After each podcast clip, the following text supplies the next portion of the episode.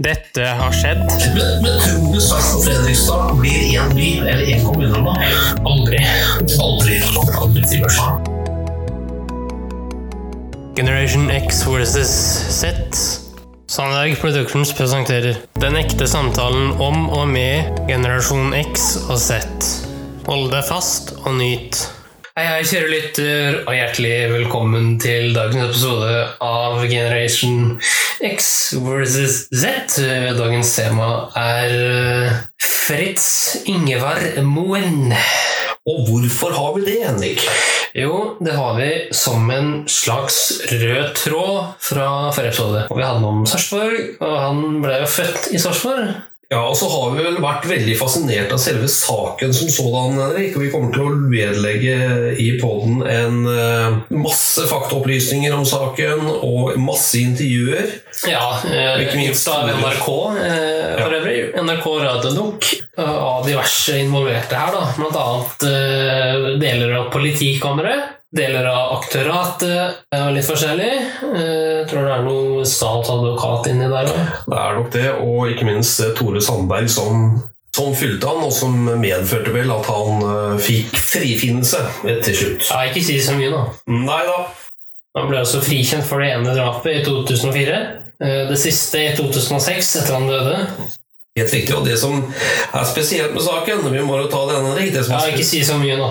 Vi må jo si såpass at dette har vært en av de aller, aller verste justismord i Norge.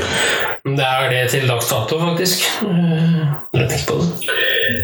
Skal vi bare kjøre slik at lytterne får ta del i hele historien? Ja, det gjør vi. Ja. Prøv å suge det til dere, da. Og eh, reflekter over det hele, så får dere ta bedømning selv. Gjør det. NRK. Han overfalt henne på stien og skjøv henne nedover skråningen til sletta som ligger nedenfor stien. Drapene på to kvinnelige studenter i Trondheim ryster Norge på slutten av 70-tallet. Det må være samme person. Det kan ikke gå to draps- og voldtektsmenn rundt i, i Trondheim. Politiet kommer ingen vei med etterforskningen.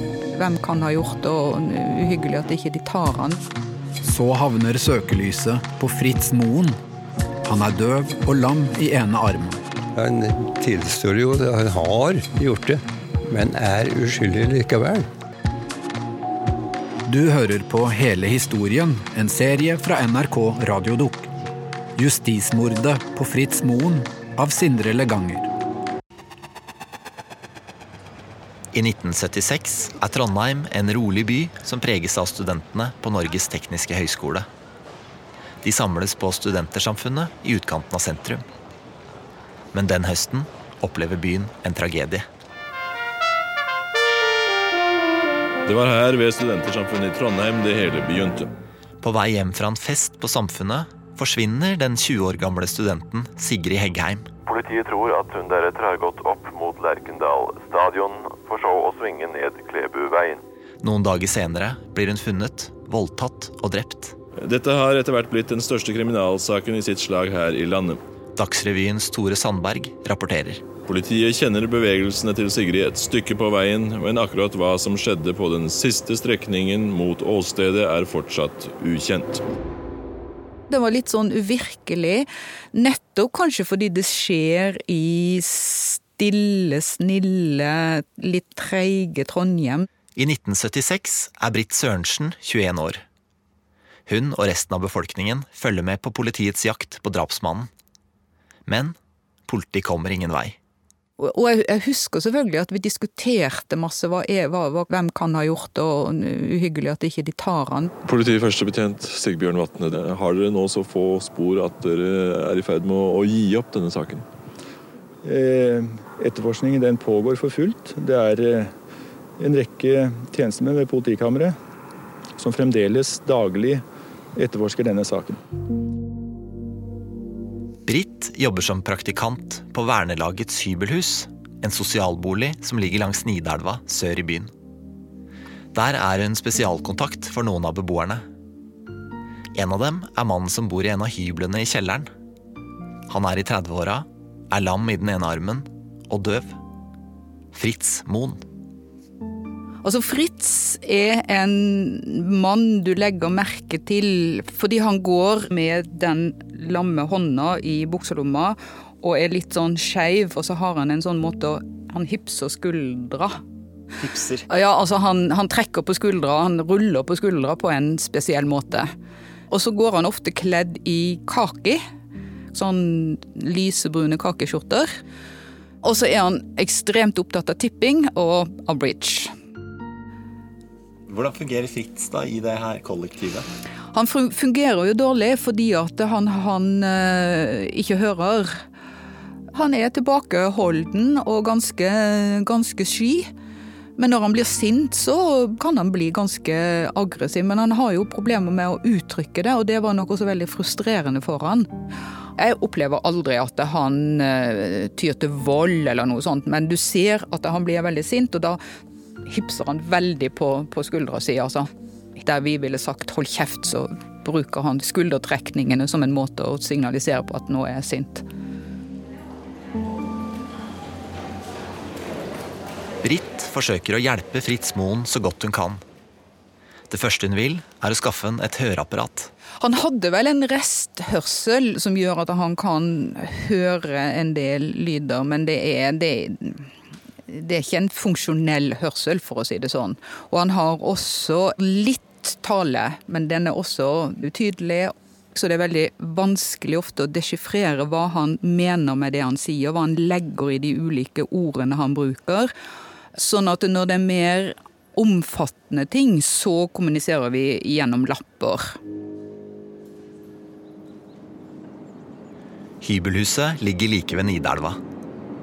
Nedenfor huset går det en jernbane og gangbru over elva, bort til et skogsområde på den andre siden. I journalen kan Britt lese at Fritz Moen flere ganger er blitt bøtelagt av politiet for å ha blotta seg for kvinner i det området. Vi visste at han hadde en, eh, en atferd som innebar at han tidvis blotta seg. Og jeg hadde en episode med han. Det er et personalkontor hvor vi har kontorutstyr, arkivskap, telefon. eh, Alt det som er på et kontor. Og så har vi også en eh, sofa. Så sitter jeg og holder på med et eller annet, og han setter seg og jeg tror han skal kommunisere et eller annet. Og så snur jeg meg, og så sitter han og holder på. Fritz Moen har dratt fram kjønnsorganet. Han blotta seg, og han satte seg til i sofaen og onanerte. Døra sto oppe til eh, korridoren ut til der hvor folk gikk forbi. Så han satte seg sånn at det liksom beinet skjulte litt. Men jeg sa til han at eh, Fritz, eh, det her får du ikke gjøre. Gå, gå ned på rommet ditt hvis du skal onanere. Fritz nekter å gå. Og da skrev jeg lapp til han at Fritz, eh, nå enten slutter du, eller så går du ned på hybelen din. Veldig tydelig. Og da skrev han eh, nokså seksualiserte lapper tilbake til meg på at da skulle jeg være med på hybelen, og eh, detaljerte beskrivelser av hva han hadde tenkt å foreta seg med meg der. Og da bare svarer jeg at det blir ikke aktuelt. Så til slutt så gikk han. Hvordan opplever du det, da? Nei, eh, altså jeg ble ikke skremt bare for å ha sagt det. Det er klart det er ikke behagelig når du er på jobb eh, at sånne ting skjer, men det er også en del av de tingene som du på en måte bare må takle. Det var bare sånn eh, Fritz, sånn gjør man ikke i det offentlige. Det gjør man på sin egen hybel. Sant? Og han var, han var heller ikke aggressiv, han la ikke hånd på meg over hodet. Altså. Det var bare opplevd som et eh, pinlig og ubehjelpelig måte å tilnærme seg eh, damer på.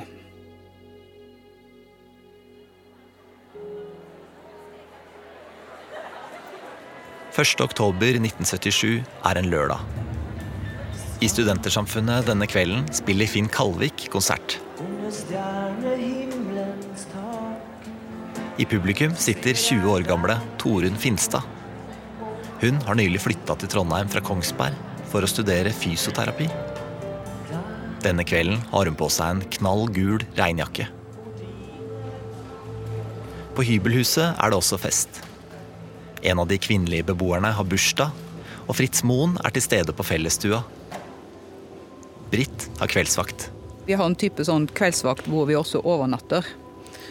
Og så jeg går helt sikkert på kontoret når folk går hver til sitt etter hvert, og skriver en kortfatta rapport om hva vi har gjort, og hvem som gikk når og hvor, og ja. Rundt halv tre på natta går Britt og legger seg. Da er det fortsatt beboere på fellesstua. I det samme tidsrommet tar Torunn Finstad farvel med vennene sine på Studentersamfunnet. Hun bestemmer seg for å gå hjem til hybelen sin noen kilometer sør for sentrum. På veien må hun krysse gangbrua over Nidelva, som ligger rett nedafor hybelhuset.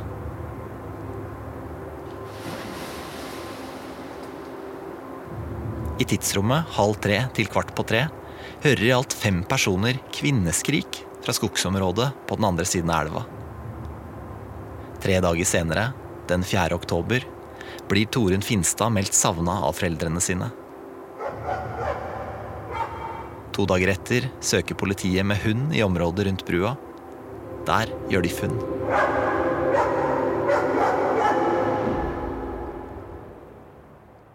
Jeg undersøkte en bil som var stjålet. I 1977 jobber Kjell Reitan som kriminaltekniker hos politiet i Trondheim.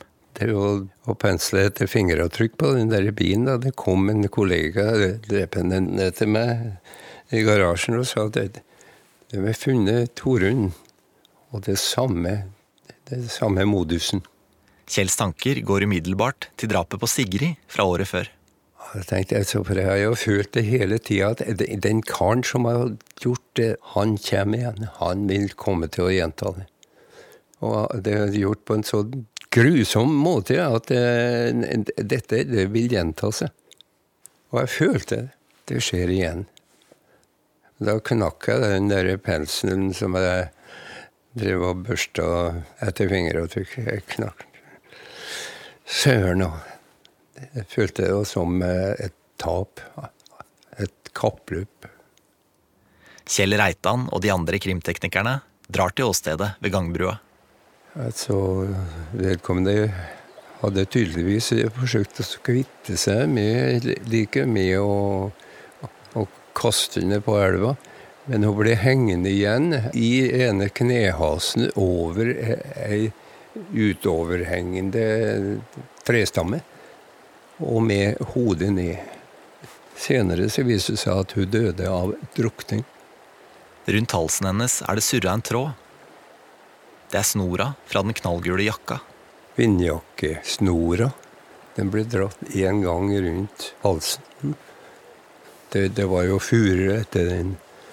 Så det ble antatt at Torunn ble dratt etter den over sletta.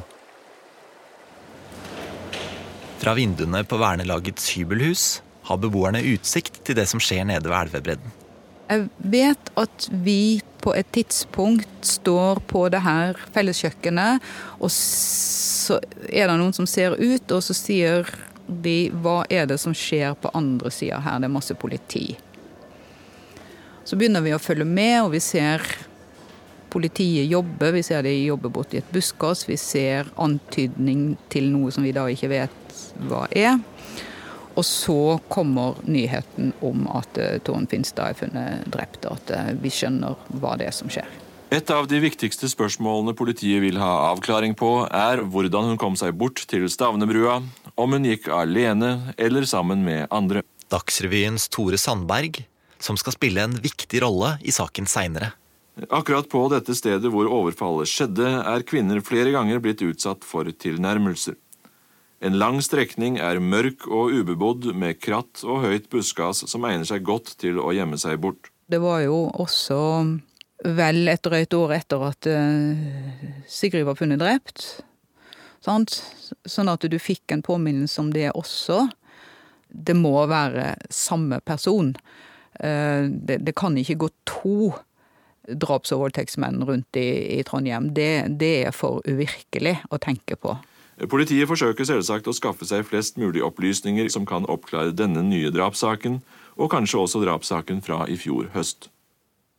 Det er Vernelagets hybelhus den holder jo til like opp for denne jernbanebrua der, altså på bysida. Og derifra kunne en se over elva og til der like var. Kjell Reitan og politiet begynner å samle opplysninger, og beboerne på hybelhuset havner raskt i søkelyset. Fritz Moen blir spurt om hva han gjorde den lørdagskvelden Torunn forsvant, og han forteller at han la seg allerede i titida. De andre beboerne sier at det ikke stemmer. Fritz Moen var på fellesstua til langt over midnatt. Politiet får også høre noe annet de mener er mistenkelig. Det var en som var observert om natta der, som sto og kasta opp. En tolv år gammel gutt forteller at to dager etter at Torunn Finstad forsvant, så han en mann stå på gangbrua og kaste opp. Og han mente at han snakka trønder. Men eh, hvor mye snakker egentlig en kar som eh, står og spyr? Politiet blir interessert. Kunne det være morderen som hadde vendt tilbake til åstedet, og så blitt uvel av det han hadde gjort? En politimann tar med tolvåringen til hybelhuset. Kanskje oppkastmannen kunne være den enarmede og døve blotteren, Fritz Moen? Politimannen skriver i en egen rapport. Gutten mente med stor grad av sikkerhet at Fritz Moen var den samme personen som hadde stått og kastet opp ved rekkverket vest for Stavne bru. Fritz Moen tas med til politistasjonen i sentrum. Kjell Reitan får i oppdrag å gjennomsøke hybelen hans. Det var bord og stoler og seng. Og med utsikt gjennom vinduet ut mot uh, Hunstia like. Det, det var uh, rett og slett si bare pornografiske bilder og blader. Altså, De var jo spredd på hybelen, men jeg samla det der. Ifølge Kjell Reitan fyller han en halv søppelsekk med Fritz Moens pornoblader. Og det var en papirlapp. På bordet finner Kjell en av lappene der Fritz og Britt har skrevet til hverandre. Øverst Jeg vil anta at det var en dame som hadde skrevet 'Skal jeg handle noe til deg på butikken?' Og nedenfor der så skrev de at 'Får jeg slikke fittesaft av deg?' Samme spørsmålet gjentok seg tre ganger nedover arket inntil at uh, antatte dame skrev at nå var hun lei av dette, og at han satt og runket mens han hadde avisa foran seg. Dette, dette, tok jeg med og tok noe vare på. det. Det jeg erindrer da, er at jeg kommer med bussen ned til sentrum. Britt Sørensen har hatt fri i dagene rundt arrestasjonen av Fritz Moen, og skal på handletur i byen. På veggen eller i vinduet på denne butikken så henger der en avis, en, en Adresseavisen forside, med arrestert mistenkt for drapet på Torunn. Ut ifra beskrivelsen forstår Britt øyeblikkelig at det dreier seg om Fritz Moen. Jeg blir ikke sjokkert. Så vidt jeg husker, så føler jeg bare en, en stor, trist nummenhet. Men det var ikke sånn 'å nei, de har tatt feil mann', eller 'nei, han kan ikke ha gjort det'. Men med fare for å høres veldig kategorisk ut, så tror jeg at mennesket er så sammensatt at du aldri kanskje kan si at du kjenner de 100% og du vet aldri hva mennesker kan gjøre i en gitt situasjon hvor ting tar overhånd, og shit happens. Sånn at det, det, var ikke det at jeg tenkte umiddelbart at han har ikke gjort det. Det var mer det shit, hva skjer med Fritz nå? Fritz Moen sitter i arresten på politistasjonen i Trondheim. Der skal han avhøres av en etterforsker fra Kripos. Fritz er tilnærma døv, og Kripos-avhøreren kan ikke tegnspråk. Men ved en tilfeldighet finnes det en politimann der som er oppvokst med døve foreldre. Han blir med for å tolke. Under det første avhøret innrømmer Fritz Moen at han flere ganger har blotta seg for kvinner i skogsområdet ved brua. Han sier også at han skal ha antastet en av dem. Vi leser fra avhørsrapporten. En dame, ca. 20-25 år, kom gående i retning Byåsen og skulle over brua. Hun var pen. Grunnen til at damen snudde seg, var at siktede tok henne i kjønnslemmet. Han tok sin friske arm, den venstre, og førte denne inn i skrittet på damen bakfra. Han gjorde ikke noe mer. Det var da damen snudde seg.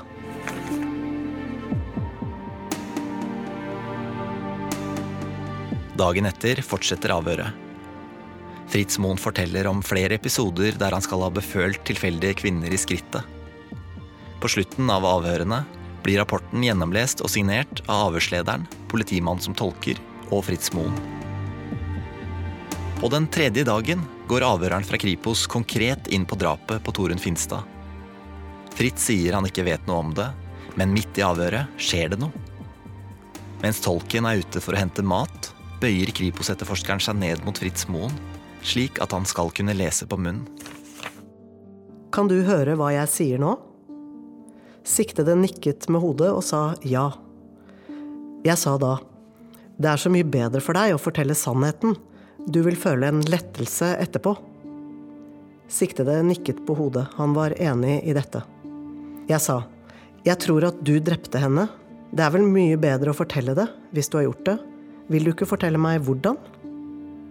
Siktede nølte, og jeg gjentok spørsmålet, helt sakte. Han nikket da på hodet og sa, jeg vil fortelle det etter middag. Jeg sa da, er du enig i at du drepte henne? Han nikket på hodet og sa ja. Jeg sa, vi venter til ettermiddag, så kan du fortelle hvordan du gjorde det. Siktede nikket med hodet. Etter middagen benekter igjen Fritz Moen å ha drept Torunn Finstad. Utpå kvelden blir han spurt. Kan du huske at du klokken 15 svarte ja, jeg har drept henne? Til dette svarte Moen ja. Han uttalte videre ja, jeg drepte henne, men det er foreløpig. Hvor er stedet? Der eller der?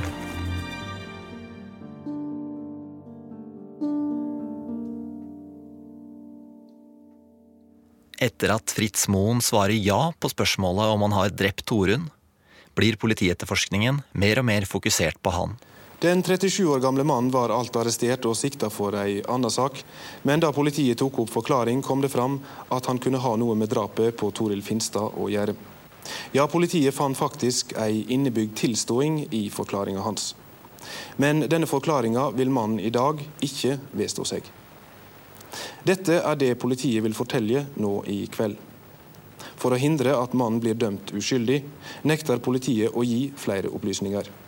Da blir jeg ganske raskt tilkalt til avhør hos Kripos, og da er det sånn at jeg får bare varsel om at, eller en telefon om at nå kommer det en drosje og henter det, vær klar om ti minutter. Britt Sørensen blir innkalt til flere avhør for å fortelle om Fritz Moens bevegelser på drapsnatta. Det de var veldig ute etter, det var å få vite om Fritz gikk på hybelen uh, på det tidspunktet jeg sier at han forlot fellesstua. Gikk han da på hybelen, eller gikk han ut? Og kan han ha gått ut uten at jeg har lagt merke til det? Britt forteller at hun ikke husker om Fritz Moen var oppe i fellesstua da hun gikk og la seg rundt halv tre på drapsnatta, men mener at hvis noen gikk ut utgangsdøra, ville hun ha hørt det. Altså, det var helt greit. Men etter hvert, i seinere avhør, så blir en av disse Kripos-folkene mer og mer aggressiv.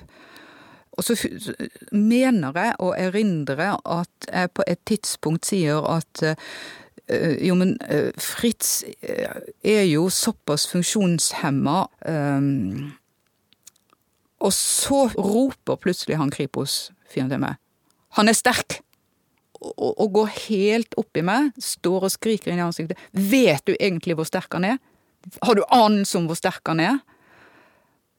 Kjære vene, så sier jeg, men unnskyld meg, men, men hvorfor skriker du til meg? Er du klar over er du, klar, du unnskylder han, er du klar over hvor sterk han er? Er du klar over hva han er i stand til å gjøre? Uh, og det var jo på en måte, det var jo retoriske spørsmål, jeg kunne jo ikke svare altså jeg kunne jo ikke svare på det. Det var forferdelig ubehagelig. Altså, det, alle opplever det ekstremt ubehagelig å få et menneske fire centimeter fra trynet ditt, og så står omtrent og spytter opp i ansiktet og skriker til deg. Så tenkte jeg hvordan i all verden opplever Fritz det hvis de står og skriker han opp i ansiktet? Og det i hans hode bare er lyder og raseri og spytt sant? og aggressivitet. I løpet av de neste ukene gjennomgår Fritz Moen flere titalls avhør der han bes om å fortelle sannheten om hva som skjedde med Torunn Finstad den 1. oktober 1977. Han forteller om hvordan han skal ha overfalt, voldtatt og drept henne. Etter hvert begynner fortellingene hans å stemme ganske godt overens med funnene politiet har gjort på åstedet. Men med noen unntak. Fritz Moen forteller i detalj hvordan han skal ha voldtatt Torunn før drapet. Men rettsmedisinerne ser ingen tegn til at hun ble det. De finner heller ikke noen spor av sæd. Torunn Finstad ble funnet med en snor fra regnjakka surra rundt halsen. Men Fritz Moen sier at han aldri brukte noen snor. Sitat fra avhørsrapporten. Han mener at han ikke kunne få til å bruke snor med bare én arm. Han er ikke slik. Han har aldri brukt snor. Noe annet er også uklart. Fritz Moen mener fortsatt at han er uskyldig. Plutselig kan han si at det likevel ikke var han som drepte Torunn, eller at det han forteller, bare er en drøm. Han klager over at politiet maser på han, og overfor en dommer beskylder han dem for å ha slått i bordet under avhørene. Han hadde jo ganske fort en unnskyldning. Jeg er uskyldig. Teknisk etterforsker Kjell Reitan blir holdt oppdatert om hva Fritz Moen forteller. Jeg har gjort det, men jeg er uskyldig. Og det har jo blitt et nærmest tankekors for meg. I all verden, hva mener en egentlig med uskyldig, han? Er det slik at han har lov til å, å begå drap for å få til en kjønnslig omgang? Er det det som han mener med uskyldig? Jeg har lov til det. Men han tilstår jo at han har gjort det, men er uskyldig likevel. Men det reelle jo, må, må, jo være at han har gjort det. Og hans oppfatning av skyld og uskyld er noe annet enn en, som uh, hører skikkelig. Jeg tror det er flere enn meg som, uh, som tenker litt sånn uh, blant politifolka.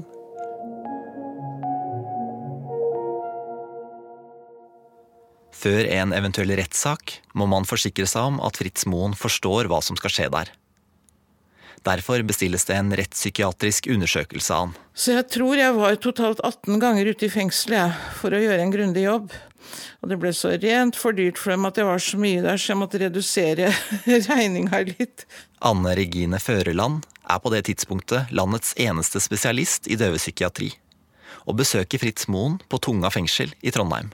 Han kunne være ganske sint av og til under samtalene, og han var ikke spesielt sint på meg, men på situasjonen. Da, at han satt der. Han, han, han, sier bare 'ikke gjort det', ikke gjort det. Han repeterer veldig. Han er veldig sånn repeterende. Han er ikke så veldig god historieforteller, naturlig nok, men han, han kjente ikke den dama. Han visste ikke hva dette var for noe, skjønte ingenting av det. Han forsto ingenting av det. og det rulla og gikk, rulla og gikk, igjen og igjen og igjen, som et bånd som sto på replay, altså. Så, ja.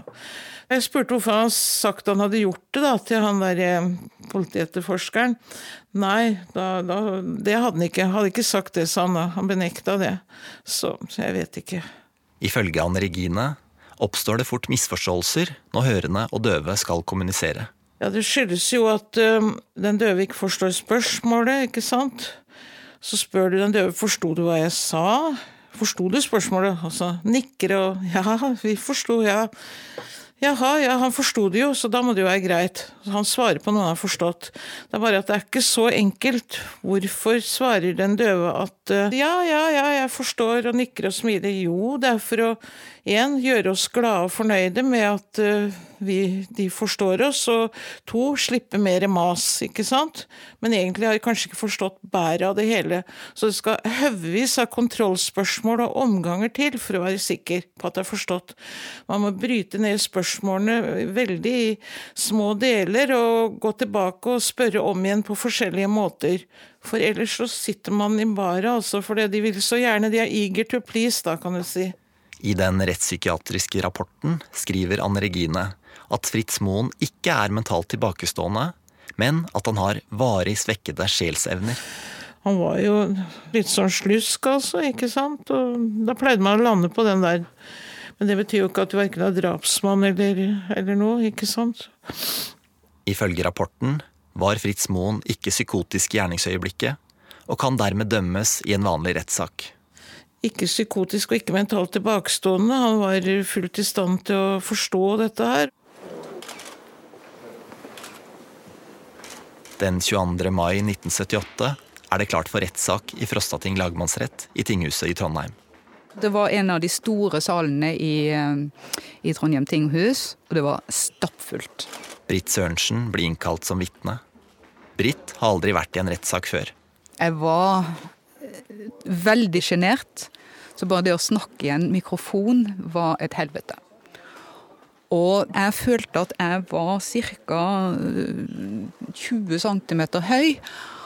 Og så var det en, en høy, høy benk foran meg. Der satt eh, dommeren i midten.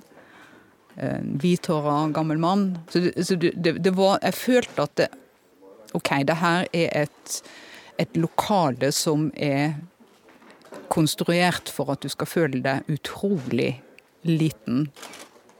Britt blir spurt om lappene politiet fant på hybelen til Fritz Moen. Og så sier dommeren at uh, fru Sørensen, uh, nå må du lese det som står der.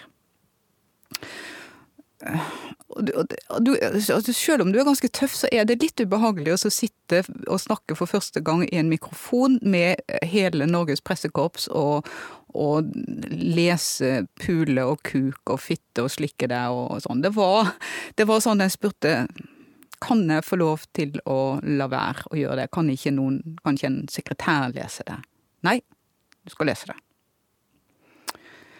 Ok, så måtte jeg jo gjøre det, da. Ifølge Britt spør dommeren om hun ble skremt av opplevelsen. Han ville tydeligvis at jeg til slutt skulle si at jeg var redd. Og nei, jeg var ikke redd, og jeg prøvde å forklare at jeg kunne ikke jobbe på et sånt sted hvis jeg var redd, og da da. Og så folder han hendene sånn bestefarslig, og så lener han seg over den høye benken han sitter på. Så. Men, fru Sørensen, se bort ifra deg selv som fagperson. Tenk på deg selv som kvinne. Hvordan opplevde du det som kvinne?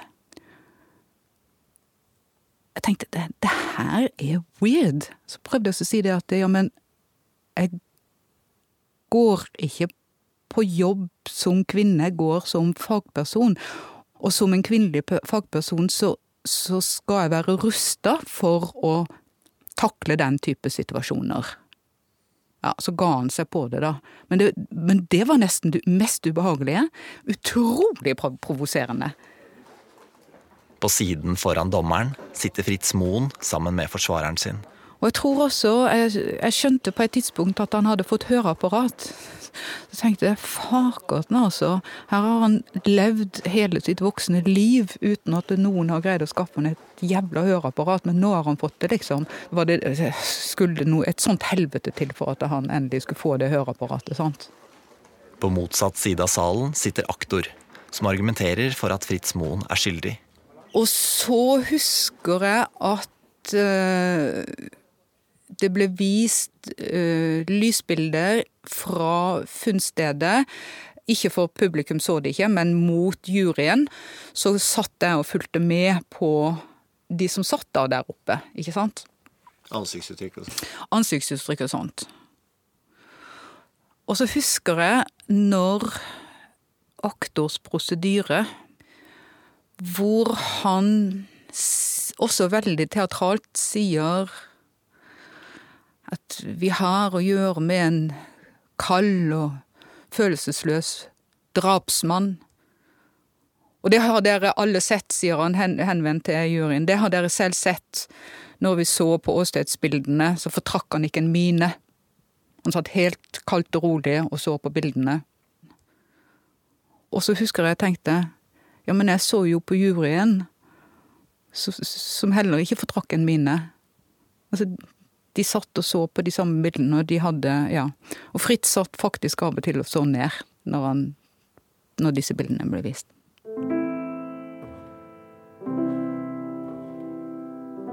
Den 29. mai skal dommen falle i Torunn-saken.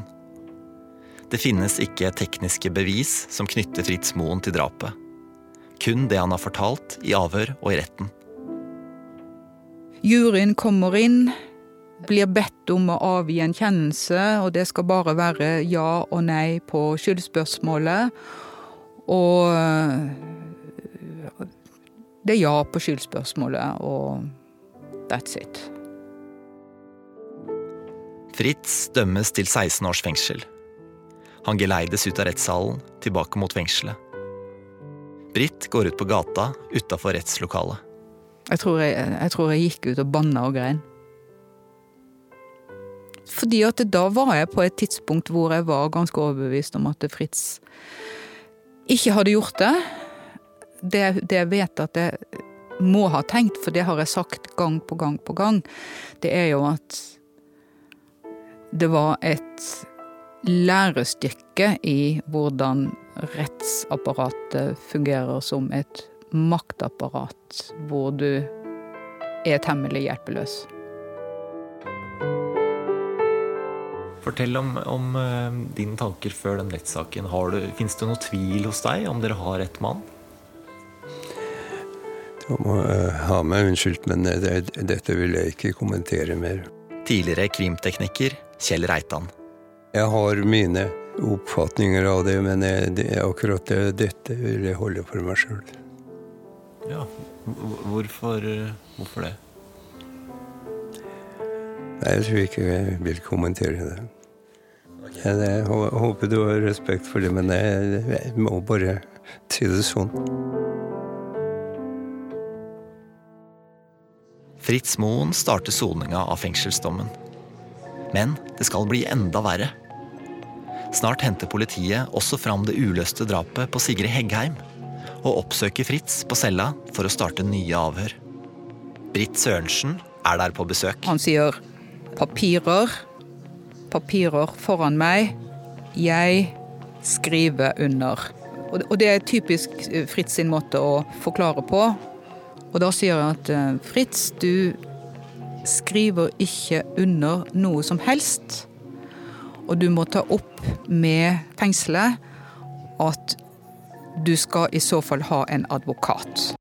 Det er gjort på en så grusom måte. Fritz Moen tilstår å ha drept en ung kvinnelig student og dømmes til 16 år i fengsel. Jeg spurte hvorfor han sagt han hadde gjort det. da. Nei, det hadde han ikke. Så anklages den døve Fritz Moen for enda et drap.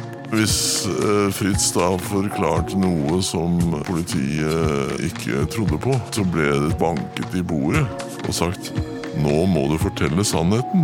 Her har vi nok med gjerningsmannen å gjøre.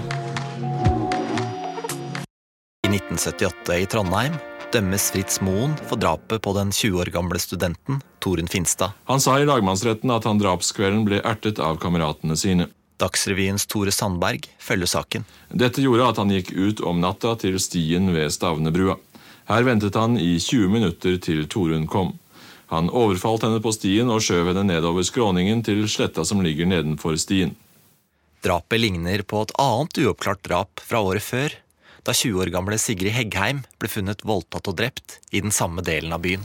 Politiet understreker at de ikke har holdepunkt for å sette mannen i samband med drapet på Sigrid Heggheim, men det skal naturligvis etterforskes. Da jeg hørte at han var tiltalt for uh, drapet, det var vel uh, Torunn Da ble jeg veldig overrasket og tenkte at Da må det ha skjedd en del med Fritz siden jeg kjente han. Solveig Aschem er en av få gjenlevende personer som kjente Fritz Moen da han var ung. Og jeg visste, jeg hadde hørt at han var blitt tatt for blotting.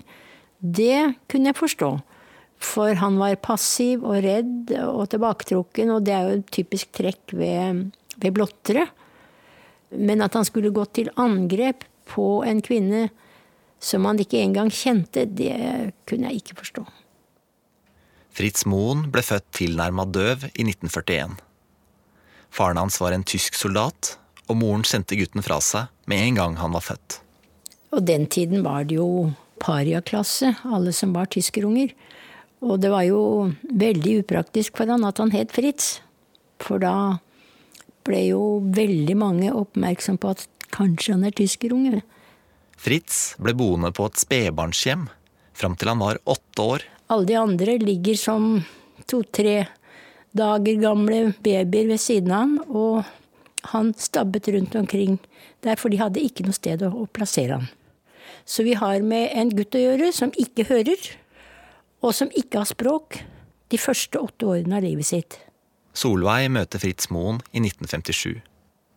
Da jobber hun på et døvehjem i Vestfold. Fritz kommer dit som 16-åring. Han er pen, åpent ansikt, håret står rett opp, rød piggsveis. Og jeg husker at Fritz eh, gikk en runde inn på dagligstuen og sa at eh, ok, dette ser bra ut, sa han. På døvehjemmet kan alle tegnspråk, og Fritz Moen finner seg godt til rette. På stua har de en radio med store høyttalere. På lørdagskveldene spilles det musikk, og da setter Fritz seg ned. Nobody knows the trouble I've seen. Nobody knows but Jesus. Og han satt alltid og kjente på radioen fordi han kjente veldig godt eh, basslydene. Og da kunne han også til en viss grad få rytmen. Det er vibrasjonen som gjorde det. Det var lite hørsel, men det var veldig mye at han kjente både på øret og på hånden. Sometimes I'm down. Oh, yes, Lord. Altså Louis Armstrong hadde en spesiell stemme som gikk igjennom den, den var ganske mye vibrasjoner i den stemmen. Det er det jeg kan huske. Da la han ofte hånden på og hørte godt etter. Nobody knows the trouble I've seen. Nobody knows but Jesus. Ifølge Solveig virker Fritz lykkelig over å være et sted der alle snakker med tegn. Men han kunne ha det vi kalte kuler. Nå har Fritz ei kule. Da hadde han det vanskelig. Sur, inneslutta, kunne snakke litt for seg selv, gå ofte ute og boksa litt i, i lufta, og du kunne merke at han hadde problemer. Men Fritz, sa jeg, hva, hva er det med deg? Da sa han, gjorde sånn tegn, lukk igjen munn, som egentlig betyr hold kjeft.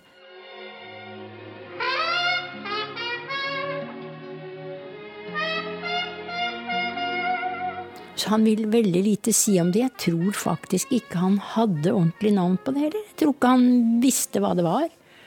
Han ville aldri si noe ordentlig om det. Han sa det er, det er bare vondt og vanskelig inni her, så pekte han på hjertet sitt.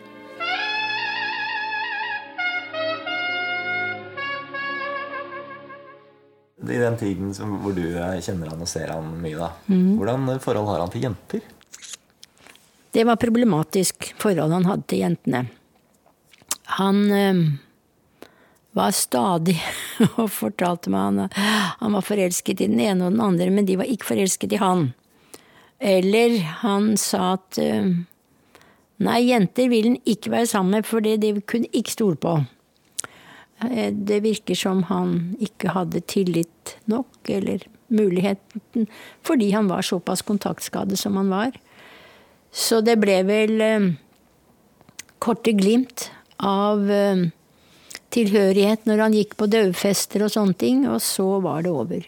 Dessverre. En kveld Fritz Moen er på fest, tjuvlåner han en moped. Han krasjer og blir lam i den høyre armen. Så han ble jo veldig handikappet når det gjaldt å snakke med tegn også. Det som var en fordel med dette, var at, at Fritz var venstrehendt. Så den gode hånden hadde han fortsatt. Selv om det er klare likheter mellom de to drapene, blir først Fritz Moen konfrontert med Sigrid-drapet etter at han har sona to år i fengsel. I Sigrid-saken har politiet funnet sterke spor. Hun hadde blitt funnet på en gresslette noen kilometer sør for Trondheim sentrum. Hun hadde ei rød eh, regnkakke. Kjell Reitan jobba som krimtekniker hos politiet i Trondheim. Som var delvis eh, dratt av henne. Og rundt halsen så hadde hun snora til regnjakken. Tatt et par tørn og dratt hardt til rundt strupen. Og brystholderen hennes var også knytta rundt halsen. Og en genser, et gensererme, det var puta ned, faktisk ned i halsen på. Altså i munnen og videre ned i halsen, så det stoppa til.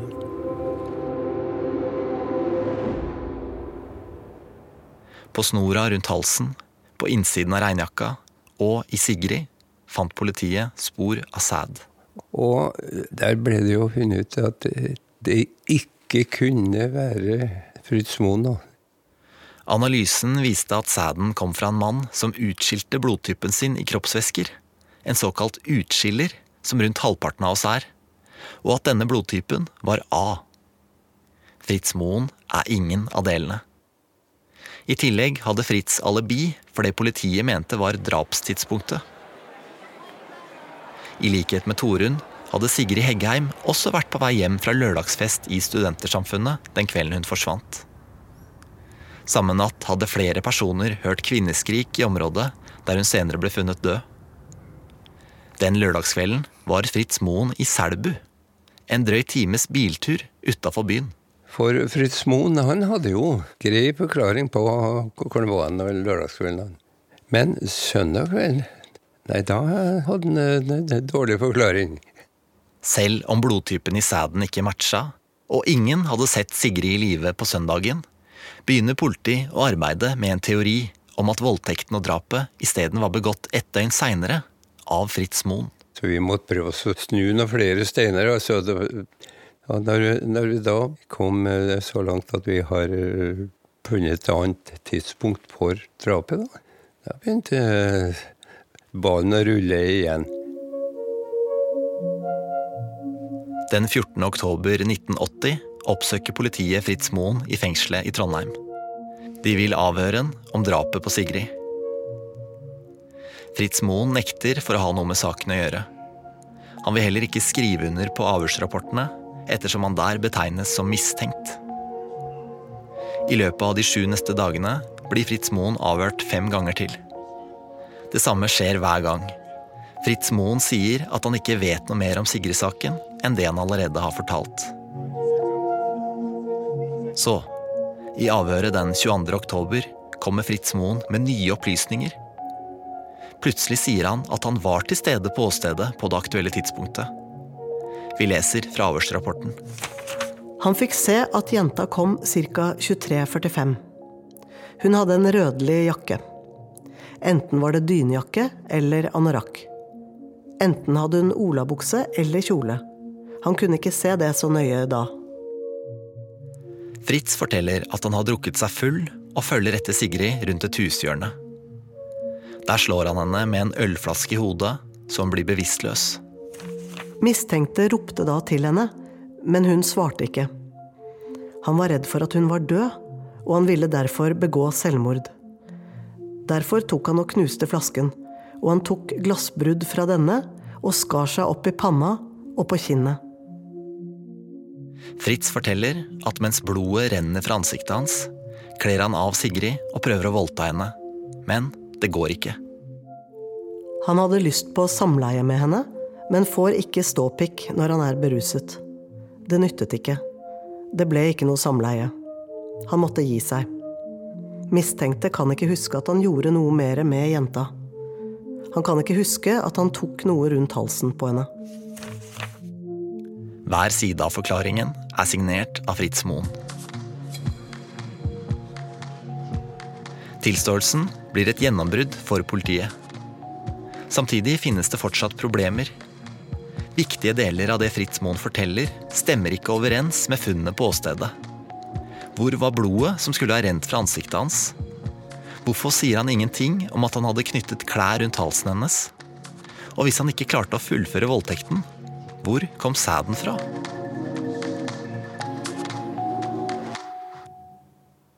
Avhørene fortsetter. Den 27. oktober, etter to uker med avhør og rekonstruksjoner, endrer Fritz Moen forklaring igjen. Nå sier han at han dro Sigrid med seg ut på gressletta og tok av henne jakka. Etter dette ble hun urolig. Han hadde ikke noe å slå med, og derfor ville han kvele henne. Han tok da jakken som han hadde tatt av henne, og surret det ene ermet rundt halsen hennes. Han tror han surret rundt halsen to ganger. Han strammet til litt hardt, men er sikker på at han ikke laget knute. Deretter stappet han noe av jakken inn i munnen hennes. Han husker dette helt sikkert. Han har husket dette hele tiden, men ville ikke si det før. Han ble spurt om han brukte noe snor på henne, men han sier at han ikke brukte. Han var forstyrret, svett og varm. Han måtte bli ferdig, ferdig. Mistenkte har før forklart at han da ripet opp Sigrid på brystet og maven med glass. Han sier nå at det ikke er riktig. Han gjorde ikke det noen gang med henne. Han sier også at han ikke ripet opp seg selv i panna og på kinnet med glass. Når han sa dette, så var det bare noe han har funnet på. Det er ikke riktig. Han ble også spurt igjen om han brukte noe annet rundt halsen, men han er sikker på at han ikke gjorde det. Fortell om, om eh, hvordan dere ble sikre på at det er Fritz Moen som har begått drap. Ja, først og fremst ved tilståelsene. Tidligere krimtekniker Kjell Reitan. Og så en ting som er meget vesentlig der. Altså, som Sigrid ble kalt. Hvorfor? Jo, det var ei snor, det var en bh, det var en genser som både var knytta rundt halsen og også putta ned i, i munnen. Dette kan en enarmet gjøre. Og dette må kanskje en enarmet gjøre. Han gjorde det, for da kan en kvele vedkommende med en snor, ikke sant, rundt og dra til, når han har bare ei arm. Det, det mener jeg det, det er bevis. I flere nye avhør blir Fritz Moen spurt om detaljene rundt hvordan han kvalte jenta. Fritz står fast på det han har sagt. Han brukte jakka, ikke noe annet. Den 13. november, etter 14 avhør og rekonstruksjoner, blir han konfrontert med politiets funn på åstedet. Han ble så fortalt at det var tre deler som var surret rundt halsen hennes. Han sier at han ikke kan huske om han gjorde det slik. Mistenkte ble så spurt om han husker mere om forsøk på samleie med henne. Han sier at han ikke husker mere. Han fikk ikke ståpikk, og han fikk den ikke inn i hennes skjede. Han fikk ikke sædavgang. Han ble gjort kjent med at det ved obduksjonen av Sigrid ble påvist sæd i hennes skjede. Han mente at han var for beruset til at han kunne få sædavgang. Han kan ikke huske at han fikk det. Så er det jo så er det, det sekretsporet. Ja, ja. Blod og, og mm. sædsporet. Ja. Det er, jo, det, det er jo den usikkerheten vi har der, da. Det må du forklare, hvordan dere tenkte rundt. Altså, det, det kan være avsatt av Fritz, men det, da, da, er det bakteriell påvirkning som har gjort at det ikke lot seg gjøre åt blodtype. det. Ifølge en rapport fra en av rettsmedisinerne er det overveiende sannsynlig at sæden ikke stammer fra Fritz Moen. Men da politiet lanserer bakterieteorien, skriver rettsmedisineren en ny rapport. Det er derfor mest sannsynlig at den påviste sæd stammer fra en person med blodtype A-utskiller, men det kan ikke utelukkes at den påviste substans skyldes bakterier, og at gjerningsmannens blodtype derfor er ukjent. Da, da er vi jo like langt, da. Dermed mener politiet at det fortsatt er en teoretisk mulighet for at sæden stammer fra Fritz Moen.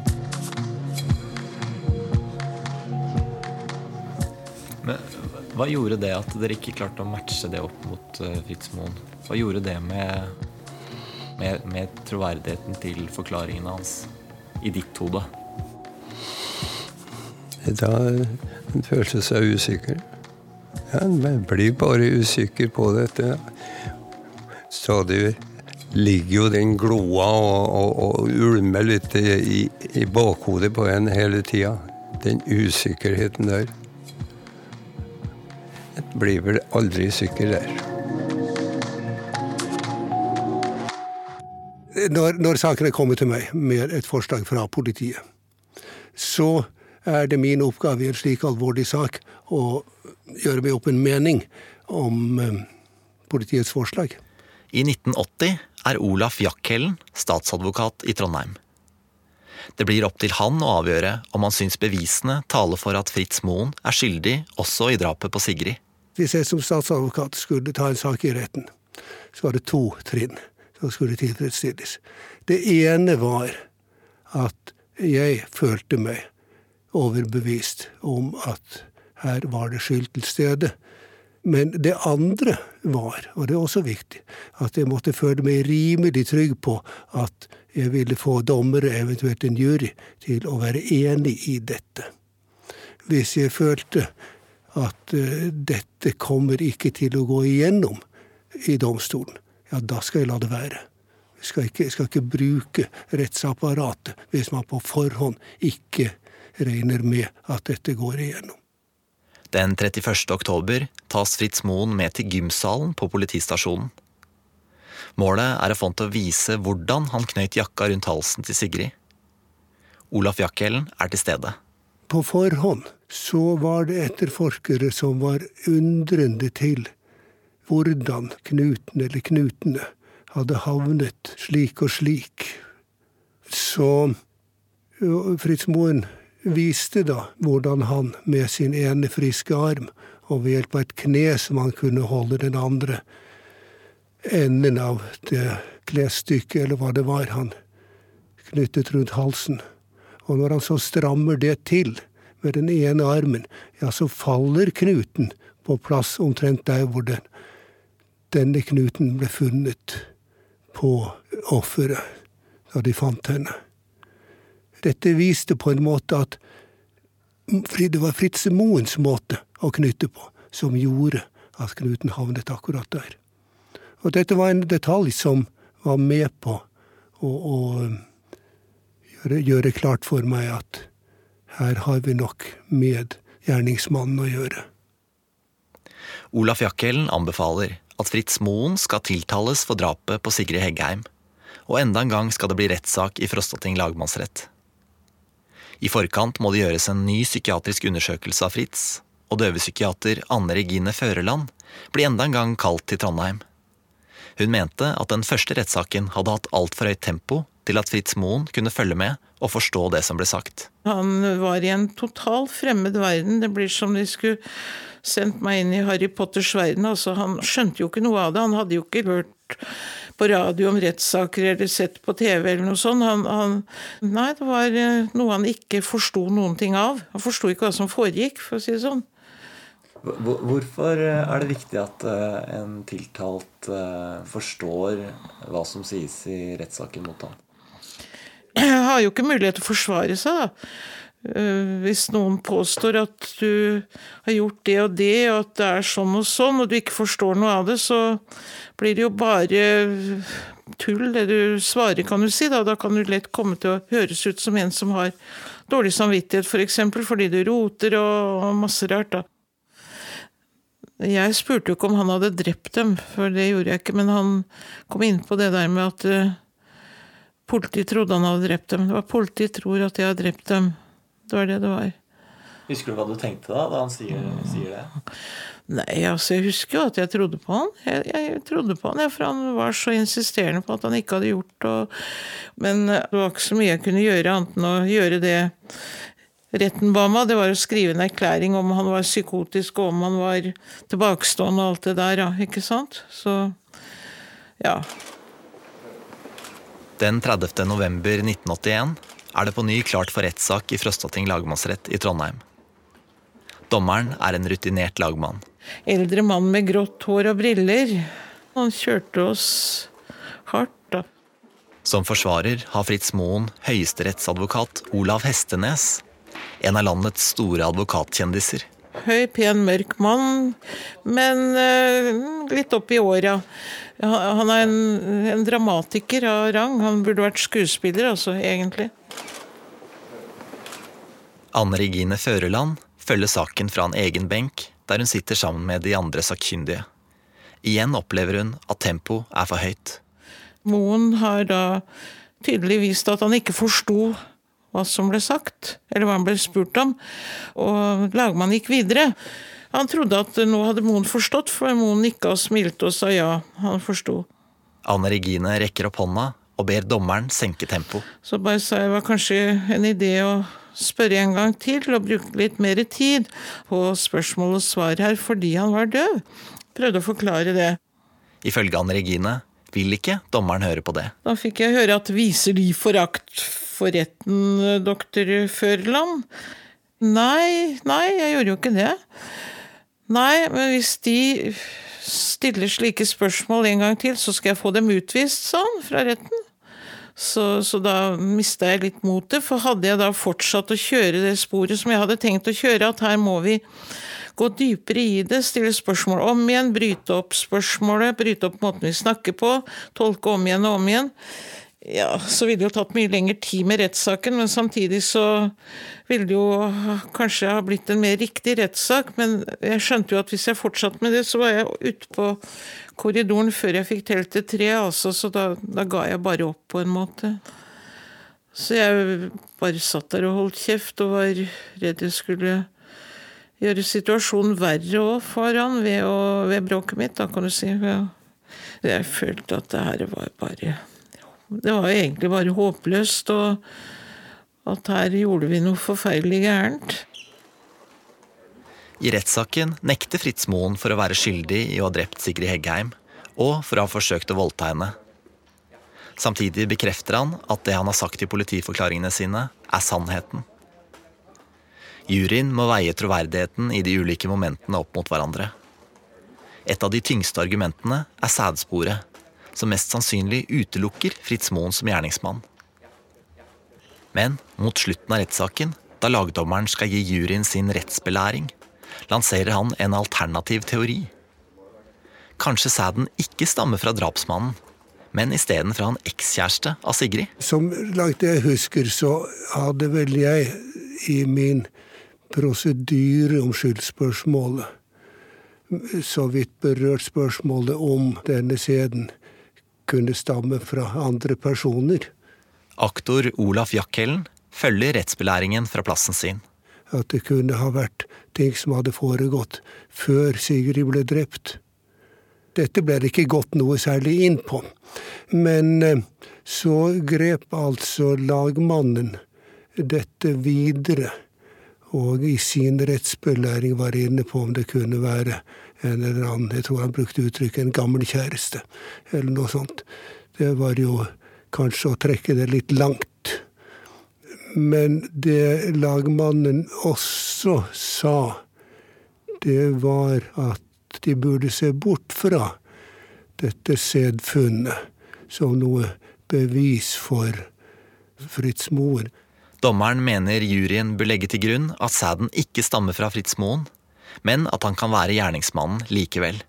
Og det kan jo være nærliggende å tro at når lagmannen på denne måte ga uttrykk for sitt syn, så var det kanskje lettere for juryen å tenke at ålreit, da er ikke det der fra Fritz Moen. Torsdag den 17. desember 1981 fyller Fritz Moen 40 år. Samme dag skal rettssaken avsluttes. Etter ti timers betenkning bestemmer juryen seg. Til tross for at Sigrid skal ha blitt voldtatt mens hun ennå var i live, og sæden etter all sannsynlighet ikke stammer fra Fritz Moen, finner juryen ham skyldig i å ha drept og forsøkt å voldta Sigrid Heggheim. Så er det vel at advokat Hestenes spretter opp Fritz Moens forsvarer reiser seg og tar ordet. og sier med høy og klar stemme at dette er justismord. Han sto i kappa si og skrek utover forsamlingen at dette er justismord, og var helt uh, fortvila. Ved tilføyelsen at sånt har han aldri tillatt seg å si før, men her gjorde han det. Og hvor lagmann lagmannen da straks reagerte og sa at slike uttalelser ville man ha seg frabedt i rettssalen. Fritz Moen dømmes til lovens strengeste straff. 21 års fengsel med sikring. Han anker dommen til Høyesterett, men anken forkastes. Det er slutten, og han havner i Oslo, på, på, på Ila. Fritz. Jeg ble vel egentlig innerst inne forbanna, men når jeg blir forbanna, så tar det et par år før jeg oppdager det. Eh, Jeg ble, ble skikkelig forbanna på hele systemet og all tull og all feilen og all dritten, og at de ikke kunne høre på folk. Det går jo hele tiden på dette at hvorfor kan de ikke ta seg tid til å høre? De tok seg ikke tid til å høre på Fritz, for det ville jo ha forsinka rettssaken med flere uker hvis han hadde fått all den tiden han trengte på at vi skulle forstå han og han skulle forstå oss. Men de har ikke evne til empati og innlevelse, så det er det som mangler. ikke sant? Hvorfor kan vi ikke ta oss tid til å høre på hva folk har å si? Bare en eneste time av en slik soning må jo være et mareritt. Tore Sandberg, som dekka Moen-saken for Dagsrevyen, jobber nå som privatetterforsker. For Fritz Moens vedkommende så satt han bak lås og slå i mer enn 160 000 timer. Mandag, tirsdag, onsdag, torsdag, fredag, lørdag, søndag. Nå starter en periode der ingen vet sikkert hvordan Fritz Moen har det. Dagene går. Han soner på Ila landsfengsel, der det ikke finnes folk som kan tegnspråk. Det går en uke, en måned, et år. januar, februar, mars, april, mai, juni, juli, august, september, oktober, november, desember. Så starter et nytt. Ifølge en rapport mottar han i løpet av de første ni årene av soninga sitat, 'ingenting av behandlingsmessig karakter'. 1981, 1982, 1983, 1984, 1985, 1986, 1987 I 1987 skriver det som skal være en av tillitsmennene i fengselet, et anonymt innlegg til avisene. Det sitter en mann på Ila som må få hjelp. Han har sittet her i ti år uten en eneste permisjon. I samråd med samtlige tillitsmenn henvender jeg meg til media. Fengselet har ikke tatt hensyn til mannens handikap. Han opplever hver eneste dag som et overgrep. 1988, 1989, 1990 Etter hvert får Fritz Moen tillatelse til ukentlig behandling hos en psykiater, men det skjærer seg. Han ble oversendt til Gaustad psykiatriske sykehus, men vil ikke være der heller. 1991, 1992, 1993 Årene går. Fritz Moen fyller 50. Han sitter fortsatt på Ila, der ingen kan tegnspråk. 1994, 1995, 1996.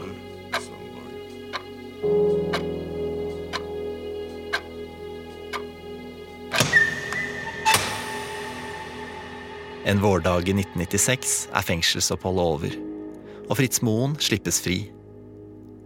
Da har han sona 18 år og 5 måneder. Fritz Moen flytter inn på døvehjemmet på Nordstrand i Oslo. Men som en dømt dobbeltmorder og voldtektsmann er det vanskelig å legge fortida bak seg.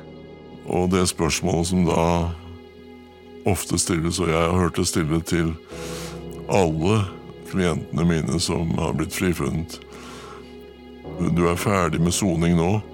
Hvorfor kan du ikke bare avfinne deg med det? Det går ikke an å avfinne seg med det hvis jeg inni meg vet Jeg har jo ikke gjort det jeg er dømt for. Jeg skulle ikke ha sittet en eneste en av de 160 000 timene. Hvordan skal jeg avfinne meg med det? Og slå meg til ro med det? Spørsmålet er helt håpløst. Jeg var veldig usikker på om han egentlig visste hva sannhet betydde. da, Ordet sannhet. Etter å ha tilstått er den døve Fritz Moen dømt for drap på to unge kvinnelige studenter i Trondheim. Politiet trodde han hadde drept dem. Det var Politiet tror at de har drept dem. Etter over 18 år i fengsel starter Fritz Moen en lang kamp for å bli renvasket. I all verden, hva mener en egentlig med uskyldig? Ja? Jeg jobbet jo i Dagsrevyen på den tiden. Og øh, jeg øh, reiste da til Trondheim og dekket etterforskningen av drapet. På 70-tallet jobba Tore Sandberg som journalist for NRK. Han dekka drapene på både Sigrid Heggheim og Torunn Finstad. Jeg husker jo stemningen i Trondheim den gangen. Nå må politiet se å få tatt denne gale øh, personen som dreper de unge jentene våre. Sånn at det var nok et stort press på politiet for å få til en løsning. En kveld er Tore på politistasjonen i Trondheim og får høre at det har blitt pågrepet en mann. Jeg sto på en korridor og hørte så litt spesielle lyder fra et eh, avhørsrom. Det var en dør som sto åpen. Så kommer det en litt beklemt politimann da og, og lukker døra, sånn at vi ikke skulle høre lydene. Og det var altså et av de aller første politiavhørene av, av Fritz Moen. Seinere på dagen tok saken en meget overraskende vending da den tiltalte 37-åringen tilsto at det var han som overfalt Torunn Finstad på denne stien natt til søndag 2. oktober i fjor. 37-åringen har tilstått overfall og voldtekt, men at hun var bevisstløs da han forlot henne, og at han altså ikke drepte henne. Under den første rettssaken sitter Tore i salen. Gjennom en døvetolk hører han Fritz fortelle i detalj om hvordan han skal ha drept Torunn Finstad. Så avslutter Fritz med å si at han ikke har gjort det likevel. Og jeg husker vel at liksom vi journalister vi satt der på tilhørerbenken og sa ja, ja, den historien får du egentlig dra, dra lenger ut på landet med. Men likevel så var det så mye som ikke stemte med forklaringen i forhold til øh, posisjoner. Av og til bommer Fritz på hvor drapene har skjedd, og hvordan de er utført. I Sigrid-saken har politiet også funnet sæd på liket. Analysen viste at det mest sannsynlig stamma fra en mann med en annen blodtype enn Fritz Moen. Det var veldig mye ved dette som vi var flere journalister som stilte oss hoderystende til. Men når øh, dommen så en gang ble avsagt, så var dom avsagt. Og som journalister skulle vi videre på neste jobb. Og jeg må vel si at det hadde ikke vært noen tradisjon i Norge for å, å stille spørsmålstegn ved en dom som var avsagt. Årene går, og Tore Sandberg slutter i jobben som journalist. Men han klarer ikke glemme Fritz Moen-saken. Jeg var sterkt tvilende til eh, at dette var en riktig dom. Derfor ble dommen over Fritz Moen liggende i min ryggmarg. Eh, men jeg hadde jo ikke noen faktisk, praktisk mulighet til å gjøre noe med det. Men så skjer det jo noe. Og det er at av alle medieorganer så er det Se og Hør som tar kontakt med meg. Redaktøren Knut Håvik lurer på om Tore Sandberg kan tenke seg å jobbe som privatetterforsker på Se og Hørs regning. Jeg eh, skulle da få en romslig månedsgasje og i tillegg alle utgifter eh, dekket. Tore takker ja. Det var akkurat da Fritz Moen var ferdig sonet. Fritz Moen har sona 18 år og 5 måneder. Nå bor han på Konrad Svendsen senter for døve på Nordstrand i Oslo. Gjennom psykiateren hans får Tore avtalt et møte. Når jeg skulle komme, så satt han klar ute i resepsjonen på Konrad Svendsen senter og, Og når han så at jeg hadde parkert, så sørget han for at nå gikk dørene opp, sånn at jeg slapp å gjøre noen ting med det. Og vi eh, hilser da på hverandre. Med seg har de tegnspråktolk og en av de ansatte ved senteret. Vi går da ned i et hus litt nedenfor selve hovedbygningen. Og der starter da samtalene. Tore vil at Fritz Moen selv skal fortelle hva som skjedde i avhørene. Eh, Politiet lærer meg sier han. Altså, politiet lærte meg hva jeg skulle si. Og det er jo sånn som du i utgangspunktet nærmest nekter å tro. Tore og tolkene sliter med å forstå hva Fritz mener. Lære meg hva betyr det egentlig? Og jeg forsto jo etter hvert også noe som egentlig i utgangspunktet er ganske innlysende, men likevel vanskelig for oss hørende å helt ta inn over oss. Hvis jeg skal stille et spørsmål til Fritz, så hører ikke Fritz hva jeg sier. Det er en tegnspråktolk som skal oversette mitt spørsmål. Det forutsetter jo at tolken oppfatter helt presist hva jeg spør om, og hva jeg legger i spørsmålet. Og sånn skal dette gå eh, fram og tilbake. Og jeg har ikke på selvstendig grunnlag noen mulighet for å kvalitetskontrollere at den kommunikasjonsprosessen blir helt presis. Og uh, står vi da overfor alvorlig fare for at ting kan bli feil. Ifølge Sandberg forklarer Fritz at gjennom avhøra ble han pressa av politiet til å fortelle det de ville høre. Han var da oppfordret til å fortelle sannheten når han var i avhør. Men hvis eh, Fritz da forklarte noe som politiet ikke trodde på, så ble det til slutt sånn at den ble banket i bordet og sagt nå må du fortelle sannheten. Ja, hva er sannheten da? Er sannheten den jeg selv husker, eller er sannheten den politiet vil at jeg skal fortelle? Sannhet? Nei, jeg tror ikke han forsto det begrepet i det hele tatt. I forkant av rettssakene undersøkte tidligere døvepsykiater Anne Regine Føreland hva Fritz Moen forsto, og hvordan han uttrykte seg. Han brukte ordet i tide og utide og på feil sted, etter min oppfatning. og, og det var liksom, ble nesten som sannhet var en ting du kunne se for, for deg. ikke sant? Så, så, det Jeg var veldig usikker på om han egentlig visste hva sannhet betydde. da, Ordet sannhet. Det husker jeg godt. Ja, hvorfor, hvorfor eh, er det viktig at han forstår det? Det blir et virvar uten like når du blir stilt overfor en som ikke har disse abstrakte begrepene. Altså. For det, det, det er jo et abstrakt begrep. Ifølge Anne Regine må tegnspråk ses på som et eget språk. Det er ikke en oversettelse av norsk, det trodde jeg til å begynne med, men det er slettes ikke det. Det er en annen oppbygning. For han er jo et fremmedspråk, det er jo det. Men han, kan, han kunne jo en del norske ord og sånn kunne skrive litt, men veldig dårlig. Det er ikke så lett å forstå hva, hva han skrev. Det var jo sånn telegramstil og litt sånn verre enn det. De er nordmenn, men de er eh, en annen kultur. Vi har samer, vi har døve, ikke sant? Jeg må bare si det sånn er det. Tore Sandberg bestemmer seg for å undersøke drapene som Fritz Moen er dømt for. Sammen med advokaten Jon Christian Elden ber de om innsyn i etterforskningsdokumentene. De er på til sammen over 17 000 sider, fordelt på 40 ringpermer. Jeg sto selv i politikammeret på Trondheim og kopierte dokumentsett i dagevis.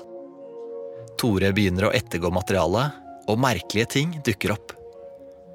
Gjennom avhørsrapportene ser han hvordan Fritz Moens forklaringer utvikler seg underveis i avhørene. I starten nekter Fritz for å ha noe med drapene å gjøre. Så tilstår han ting som ofte ikke stemmer overens med funnene på åstedene.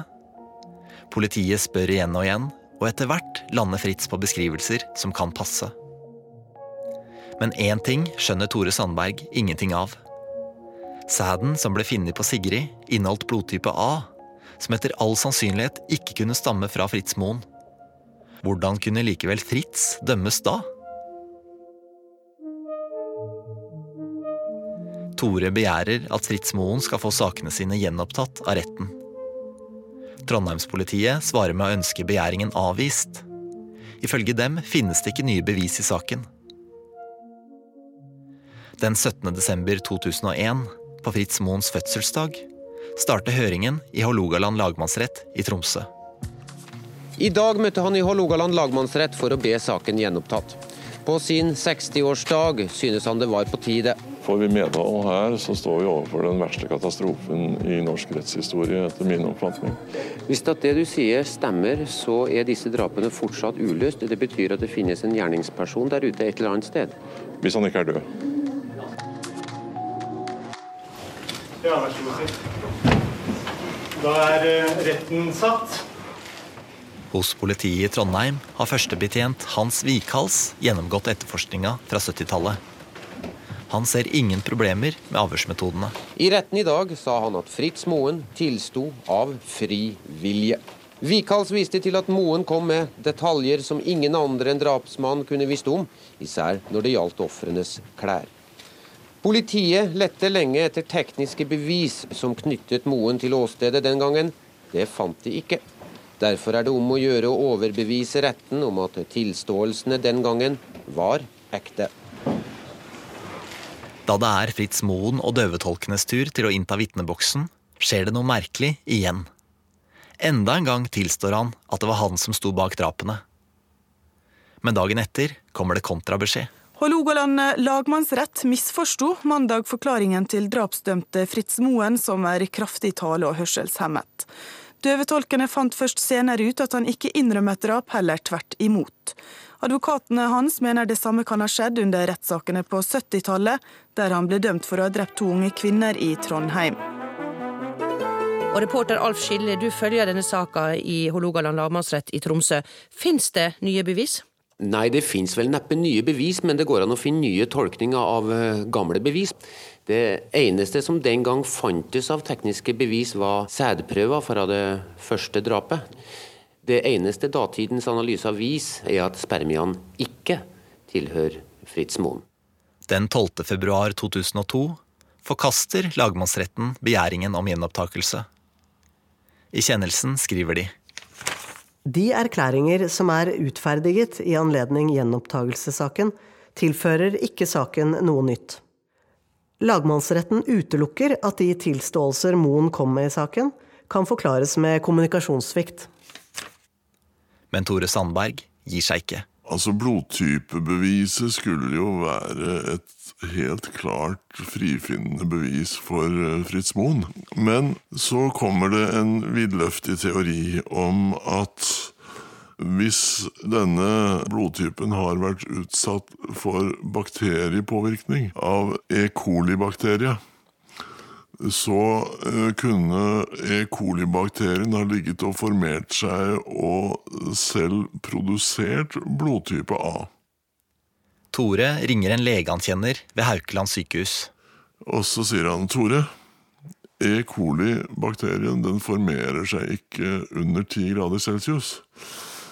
Og da sa jeg ja, men da må jeg ta kontakt med de gamle meteorologene som jeg kjente fra min tid i Dagsrevyen, og få ut værdata for den uken Sigrid hadde ligget ute. Og uh, værdataene de rauset da inn uh, til meg her på Kløfta, og de viste at det aldri hadde vært forutsetninger for bakterievekst. I dagene Sigrid hadde ligget ute, hadde det vært altfor kaldt til at bakteriene kunne vokse. Så nå tenkte jeg nå har vi spikeren i kista for det norske rettssystemet. Tore begjærer sakene gjenopptatt av Høyesterett. Men før de aksepterer, krever de enda flere undersøkelser. Så Høyesterett oppnevnte professor Henning Sørensen ved blodbanken i København til å vurdere denne bakterieteorien. Og Henning Sørensen konkluderte da med at sannsynligheten for at en E. coli-bakterie skulle ha forårsaket alle disse blodtypefunnene, var mindre enn én til én million. Og da hans rapport kom, da måtte selv Høyesterett eh, gi seg. Funksjonshemmede Fritz Moen ble dømt for to seksualdrap i Trondheim på 1970-tallet, og i dag bestemte Høyesterett at den ene av sakene skal behandles på nytt. Den 14. oktober 2003 beslutter Høyesterett at Fritz Moen skal få Sigrid-saken gjenopptatt. Men dommen for drapet på Torunn Finstad blir stående. Vi er selvsagt ikke fornøyd med at eh, Fritz Moen ikke har fått gjenopptatt eh, den andre drapsdommen. Men eh, jeg tror jeg kan si nokså trygt at det kommer vi til å jobbe med i fremtiden. Nå er det opp til Riksadvokaten å avgjøre hva som skjer videre. Enten reises det ny tiltale, eller så blir Fritz Moen frikjent. Lille julaften i 2003 kommer avgjørelsen. Riksadvokaten har lagt ned påstand om frifinnelse av Fritz Moen, som ble dømt for å ha drept studenten Sigrid Heggheim i Trondheim i 1976. Årsaken er en ny rapport som utelukker at det var Moens blod som ble funnet på den drepte jenta. På dagen 27 år etter at han først ble pågrepet, er Fritz Moen klar for nok en rettssak. Ikke for en dom denne gangen. Fritz Moen er kommet for å renvaskes. Fritz Yngvar Moen, født 17.12.1941, frifinnes. Det var et overveldende øyeblikk i Borgarting lagmannsrett. Fritz var grenseløst glad. Han gråt.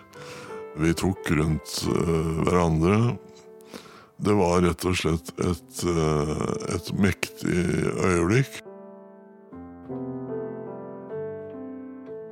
Samme kveld er Fritz Moen gjest i NRK-programmet Redaksjon 1.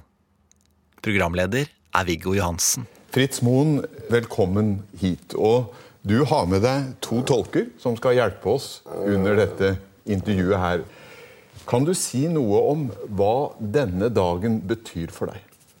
Jeg er glad. Det stråler. Jeg har grått i dag. Det er en gledens dag. Jeg er frikjent, og det er jeg glad for. Jeg er i godt humør. Det har gått så mange år, og endelig. Har du vært lei deg mange ganger i løpet av de årene du har sittet inne? Og jeg har grått mange ganger blitt mobbet og blitt kalt for morder. Og mange andre mobba meg og sa 'du er en morder', 'du er en morder', sa de til meg. Jeg fikk jo aldri fred. Det har skjedd i mange år. Du tilsto den gangen de to drapene. Hvorfor gjorde du det? Han maste jo maste på meg. Jeg var jo helt hjelpeløs hva jeg skulle gjøre. Jeg hadde jo ikke gjort det. Og de sa jo at jeg måtte fortelle, og til slutt liksom, Jeg fortalte jo og tilsto da til slutt pga. all den masinga. Politiet var ganske smarte. De var smarte. Altså, de hadde ikke gjort det, men til slutt så fikk noen papirer og skrev under på. Nå får du også en stor erstatning. Du får flere millioner kroner. Hva skal du bruke pengene til? Jeg har kjøpt fjernsyn, sant, video, så jeg ser mye sport. Og jeg ser på Liverpool. Ja. Er det det beste du ser i, i fjernsyn? Er det sporten? Å ja, sport. Det er det beste. Jeg tror jeg grein som en um, foss. Eller jeg tror ikke, jeg veit jeg grein som en foss når, når nyheten kom. Britt Sørensen hadde vært Fritz Moens spesialkontakt i Trondheim da han ble arrestert. Etter at han var kommet ut og han satt i en bil med Tore Sandberg, så ringte Tore meg på så ringte Tor meg på jobb, og så sier han 'Hei, Britt, nå sitter jeg her i bilen med Fritz'. Og, og da begynte jeg å grine. Og, og da fikk jeg liksom sagt noe i røret til han. Jeg fikk sagt sånn 'Hei, Fritz', og 'gratulerer', og veldig, veldig fint. Sant. Ja. Og så sa han noe tilbake som var vanskelig å dechiffrere, men, men Tore Sandberg sier at han hilser masse tilbake. Men det var ikke den endelige og fulle renvaskelsen. Fortsatt så var ikke dommen etter drap nummer to opphevet. Og vi var straks enige om at dette skal vi nå gå videre på. Torunn sak ikke ferdig. Men Torunn-saken den er ikke ferdig, og den saken skal også gjenopptas.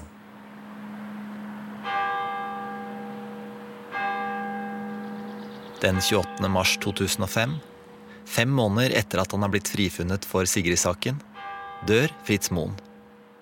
Jeg dro da inn til Konrad Svendsen senter, og han lå da i en åpen kiste.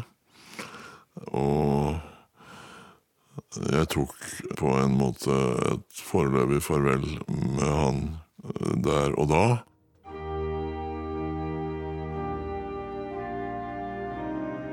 Fritz Moen ble funnet i lenestolen sin foran den nye TV-en.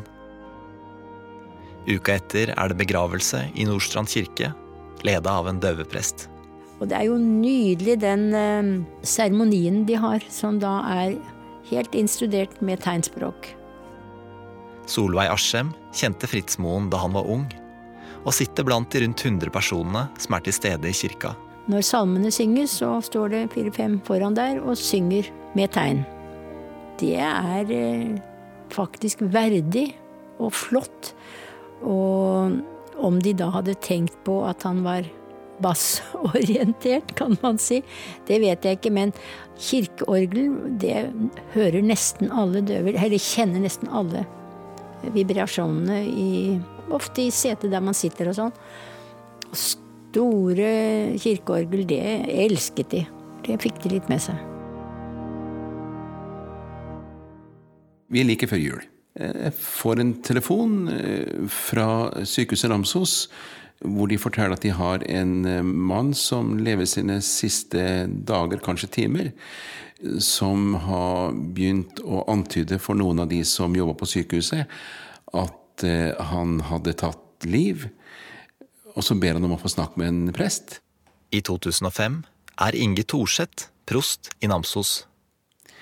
Eh, og fordi at, eh, som sagt, det var travel følgestid, og jeg var den eneste presten på kontoret, så tenker jeg ja, nei, men jeg drar opp på sykehuset og, og, og møter denne mannen.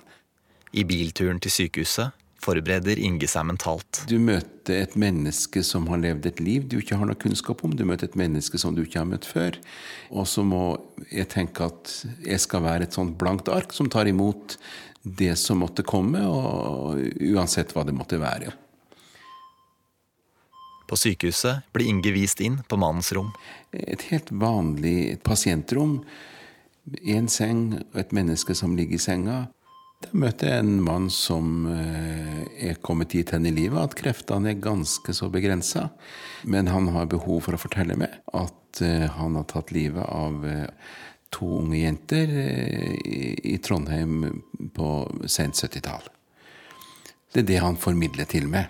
Og så har vi en samtale rundt det. Ifølge Inge sier mannen at det var han som drepte Sigrid Heggheim og Torunn Finstad. Når han hadde fortalt meg om det han hadde gjort, så tenker jeg hva er oppdraget, hva, hva vil du med dette? Og så sier han til meg at han er jo klar over Fritz Moen, som har sona en dom for noe som han ikke hadde gjort.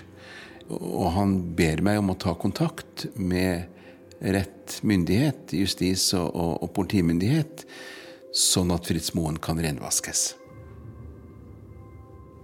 Etter møtet drar Inge tilbake til kontoret sitt. Og så har jeg behov for å summe litt, for å, å tenke meg litt. fordi at det å bringe noe ut av dette fortrolige rommet det, Jeg har ganske sånn tydelige skranker på det, så jeg var nødt til å tenke meg om hva, hva gjøre nå. Så ringte jeg etter hvert til politiet, og da, da fikk jeg vite at man fra sykehuset allerede hadde sendt en melding til politiet, og politiet var på vei for å prøve å foreta et avhør av pasienten. Men det er for sent. Før politiet får muligheten til å gjøre et skikkelig avhør, dør mannen. Det var en svært spesiell opplevelse for personalet. Når det gjaldt det ene drapet, så var han eh, veldig upresis. Han bare sa at han mente at han kunne ha noe med det å gjøre. Eh, når det gjaldt det første, så sa han vel litt mer, med rene ord da, at det nok kunne være han. Jeg møter et menneske som bruker sine siste krefter til å gi meg denne historien. Og det er ingenting i det møtet som tilsier at dette ikke er en sann historie eller en troverdig historie. Så har jeg gitt det over til politi og justismyndighet. Og så er det deres ansvar og oppgave å foreta en etterforskning som kan sannsynliggjøre om dette er sant eller ikke. Men min opplevelse er at uh, dette er en, en, mann som har behov for å fortelle dette, og som er troverdig i, i måten han gjør det på. Mannen i Namsos døde før politietterforskerne kom fram for å avhøre ham, men de har sikret seg biologisk materiale. Vi har tatt blodprøve. Nyheten om tilståelsen nådde privatetterforsker Tore Sandberg i dag. Svært interessant, sier Fritz Moens hjelper gjennom mange år. Skulle vi nå etter en tilståelse få en blodtype-match, så eh, vil jo det være svært interessant, selv om det ikke er et 100% bevis. Det var jo tatt en, en blodprøve av denne mannen. Målet er å finne ut om sæden som ble funnet på Sigrid, kan stamme fra mannen. Var han en ikke-utskiller? Var han i stand til å legge igjen eh, blodtypen sin i sæd eller andre kroppsvæsker? Men dette ble det altså slumset sånn med at de fikk ikke noe resultat ut av den blodprøven. Ifølge Kripos var blodprøven sitat i en slik forfatning at det ikke lot seg blodtype. Det vet en altså ikke. Men det ble fastslått at han hadde riktig blodtype. Ja, hvordan fant man ut det? Jo, det sto i vernepliktsboka hans.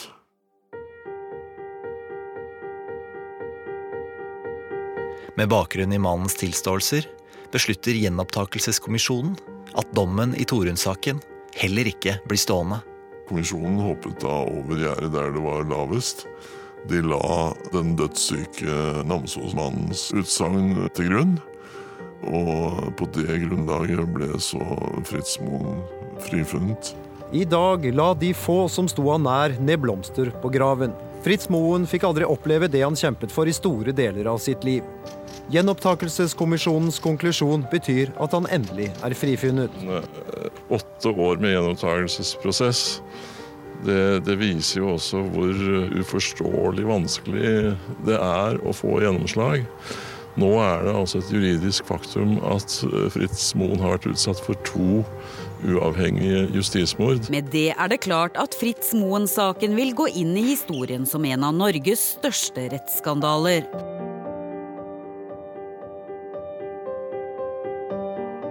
I arbeidet med denne serien har jeg vært i kontakt med etterforskningsledelsen i både Trondheimspolitiet og Kripos. Ingen av dem har ønska å fortelle om hvordan de opplevde Fritz Moen-saken. Er det for lite ydmykhet blant politifolk? Det mener jeg ikke. Jeg mener Skal vi ha tillit hos publikum, så må vi være ydmyke. Tidligere Trondheim-politimester Per Marum i Midtnytt fra 2006. Og skal vi ha tillit, så må vi være åpne også for at vi kan begå feil. Også for at det er begått feil før i tiden som vi kan lære av. Altså Særlig hvis man har vært aktør i det, så sitter man med et ansvar.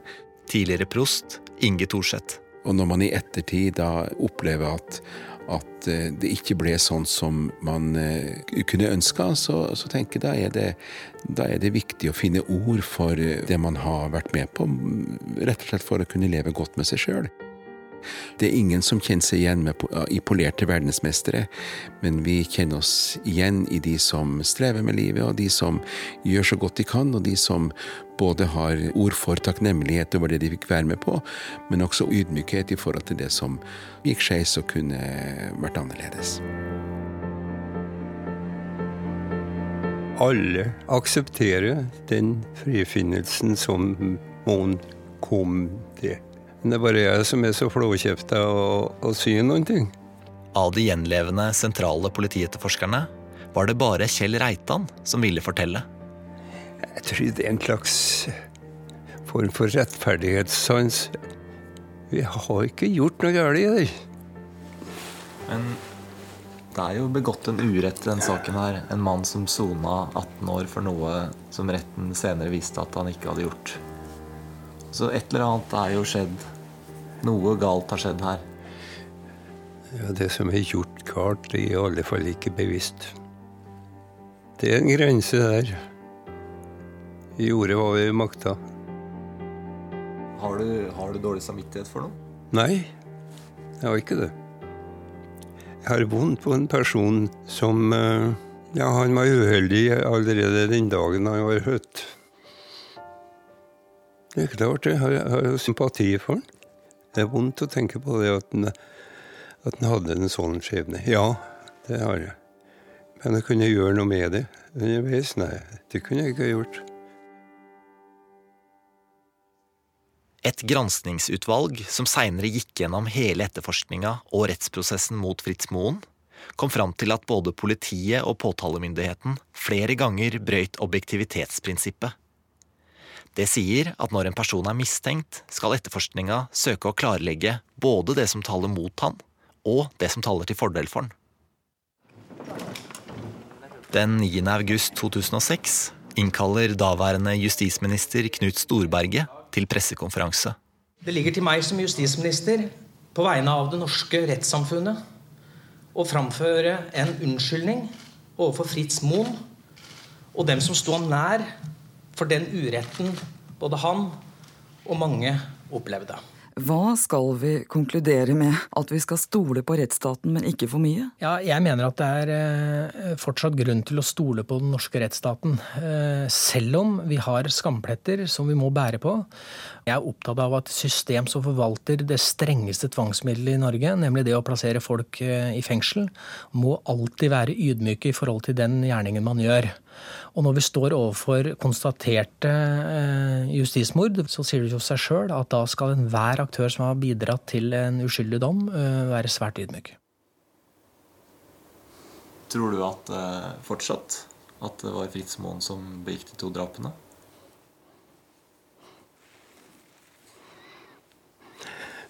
Vær så god. Tidligere krimtekniker Kjell Reitan holder fram et fat med vafler og tar en slurk kaffe. Nei, det vil jeg ikke svare. Jeg vil ikke svare med det. Nei. Og det må jeg håpe du forstår. Kan du forklare hvorfor du ikke vil svare på det? Det er noe, dette å slippe bråket med å ha sagt noen ting, sånn med å bli uttenkt på annet vis senere. Sånn er det bare. Jeg vil bare si det igjen, da. At vi har gjort så godt vi har kunnet. At vi underveis har gjort noe gærent, det er ikke med hensikt. Jeg har jo med meg både Sigrid og Torunn hver dag. Og det vil jeg komme til å fortsette med. Og Fritz Moen er også med der. Han kom aldri opp sånn at sola skinte på den. Tragiske, tragiske ting. Hva opplevde du da dommeren leste opp dommen og sa at du var frikjent? Jeg gråt med en gang. Jeg gråt av glede. Jeg er fri. Ja, ja. Nå er det bra. Nå, jeg er ikke redd i det hele tatt. Jeg er rolig. Jeg vet at dette er riktig.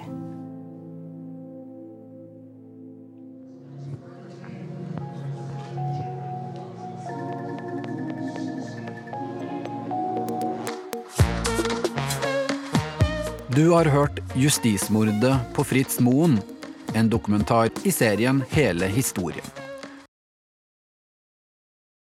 Ja, Henrik, nå har du hørt en Eller nå har, nå har vi alle hørt den historien. Ja, hele historien, da. Ja, det jeg stiller spørsmålstegn med, Henrik altså Alle vil jo si at og med rette at historien er trist og tragisk.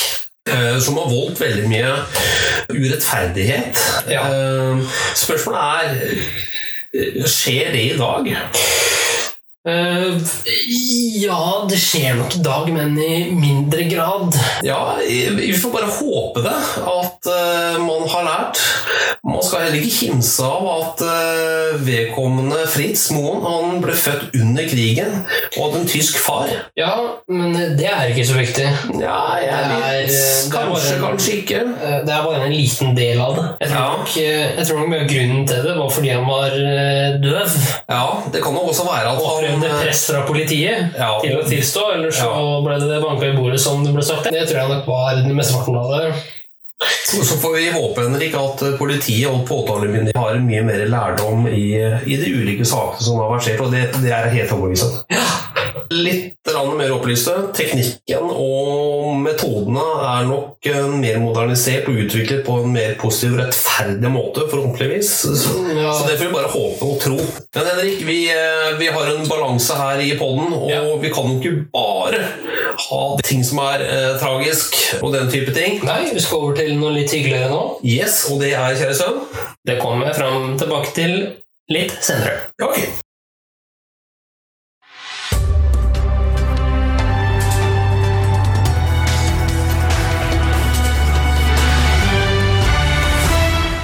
NRK-hjørnet.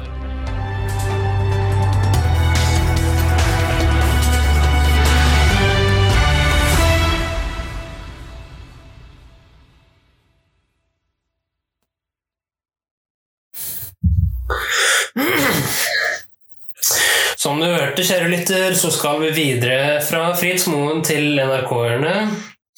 Og NRK-erne i dag så vil jeg både min kjære kompan og deg, kjære lytter, skal huske tilbake til tilværelsen som en liten baby. Oh yeah. Kan du, kompan, huske tilbake til den tilværelsen? Nei, jeg gjør vel ikke det. Eh, jeg kan jo huske sånne kanskje sånne bitte små brokker når jeg var, kanskje var sånn to-tre år. Mm. Det gjør jeg nok, men uh, Det gjør jeg. Men før det, si at jeg var ett år, da. Det, det husker jeg ikke. Men hva husker du? Altså, hvor langt tilbake husker du? Nei, Jeg husker fra jeg var sånn uh, Si kanskje tre-fire år, da. Ja. Hva husker du best, da? Nei, så jeg husker best var, var faktisk en hendelse hvor jeg um, Ja jeg husker mye. Ja. Jeg husker en hendelse hvor jeg faktisk spydde på brillene dine. Ja, det er helt riktig. Ehm, da var du faktisk ikke tre år, Henrik, men du, du var jaggu meg ja, Du var under ett år. Ja, eh, det er den tiden jeg vil du skal se deg tilbake til nå, seriekompan-servitter. Når det var sånn cirka kanskje mellom et halvt og kanskje to år. Eh, for i dag så skal vi eh, dykke litt ned i en veldig voksen babys kjærlighet for grøt. Ja. Grøt er in, skal vi kalle det. Ja. Det er en russeknute, det her, da. Ja. For å få en russeknute med det så tenker jeg bare vi kjører klipp. Vi kjører klipp.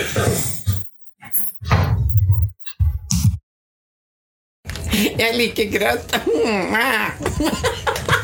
Jeg er flau. Du skulle som du er en baby? Jeg skal late som jeg er en baby? Ja, i ett minutt. Og du må være, det må være skikkelig, skikkelig ekte, hvis ikke så får du ikke snuta. Og du skal snakke om at du elsker grøt. Da kjører vi ett minutt fra nå.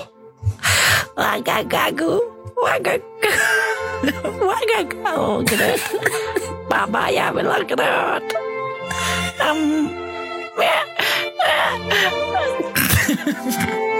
Kom igjen, Adelina. Hvor er grøt? Liker du grøt? Jeg elsker grøt. Mer baby. Mer baby. Kom igjen, Adelina! Mer baby! Ikke gråt. Du skal snakke om hvor mye du liker grøt. Hvor er grøt? Å, der er grøten min. Nam, mamma, jeg elsker grøt like mye som deg, jeg. Nam, nam, nam, nam. Å, grøt er godt. Nam, nam, nam, nam. Å, jeg gulpa litt. Unnskyld. Unnskyld, jeg gulpa litt. Jammen, jeg er så søt at det går bra. Grøt, grøt, grøt. Mm, Nam, nam, nam, nam. Det var et minutt.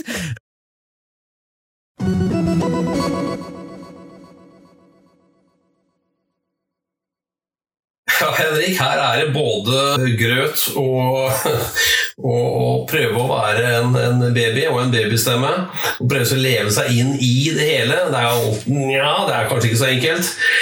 Men vi har både vært gjennom tragisk justismord i Norges historie, og vi har vært gjennom en babygrøt. Hva tenker du sjøl? Nei, altså jeg tenker det var binte begynte veldig trist og dystert. Men tok seg veldig opp på slutten der, da, med babyimitator. Det gjorde det. Henrik, kjære sønn. Tusen takk for eh, at vi har podden sammen. Bare hyggelig, det. Tusen takk. Tusen takk for at du fulgte oss. Gi gjerne tilbakemelding, likes eller kommentar på Facebook-siden vår Generation X versus Z. Velkommen igjen til neste podkastepisode. Hei då!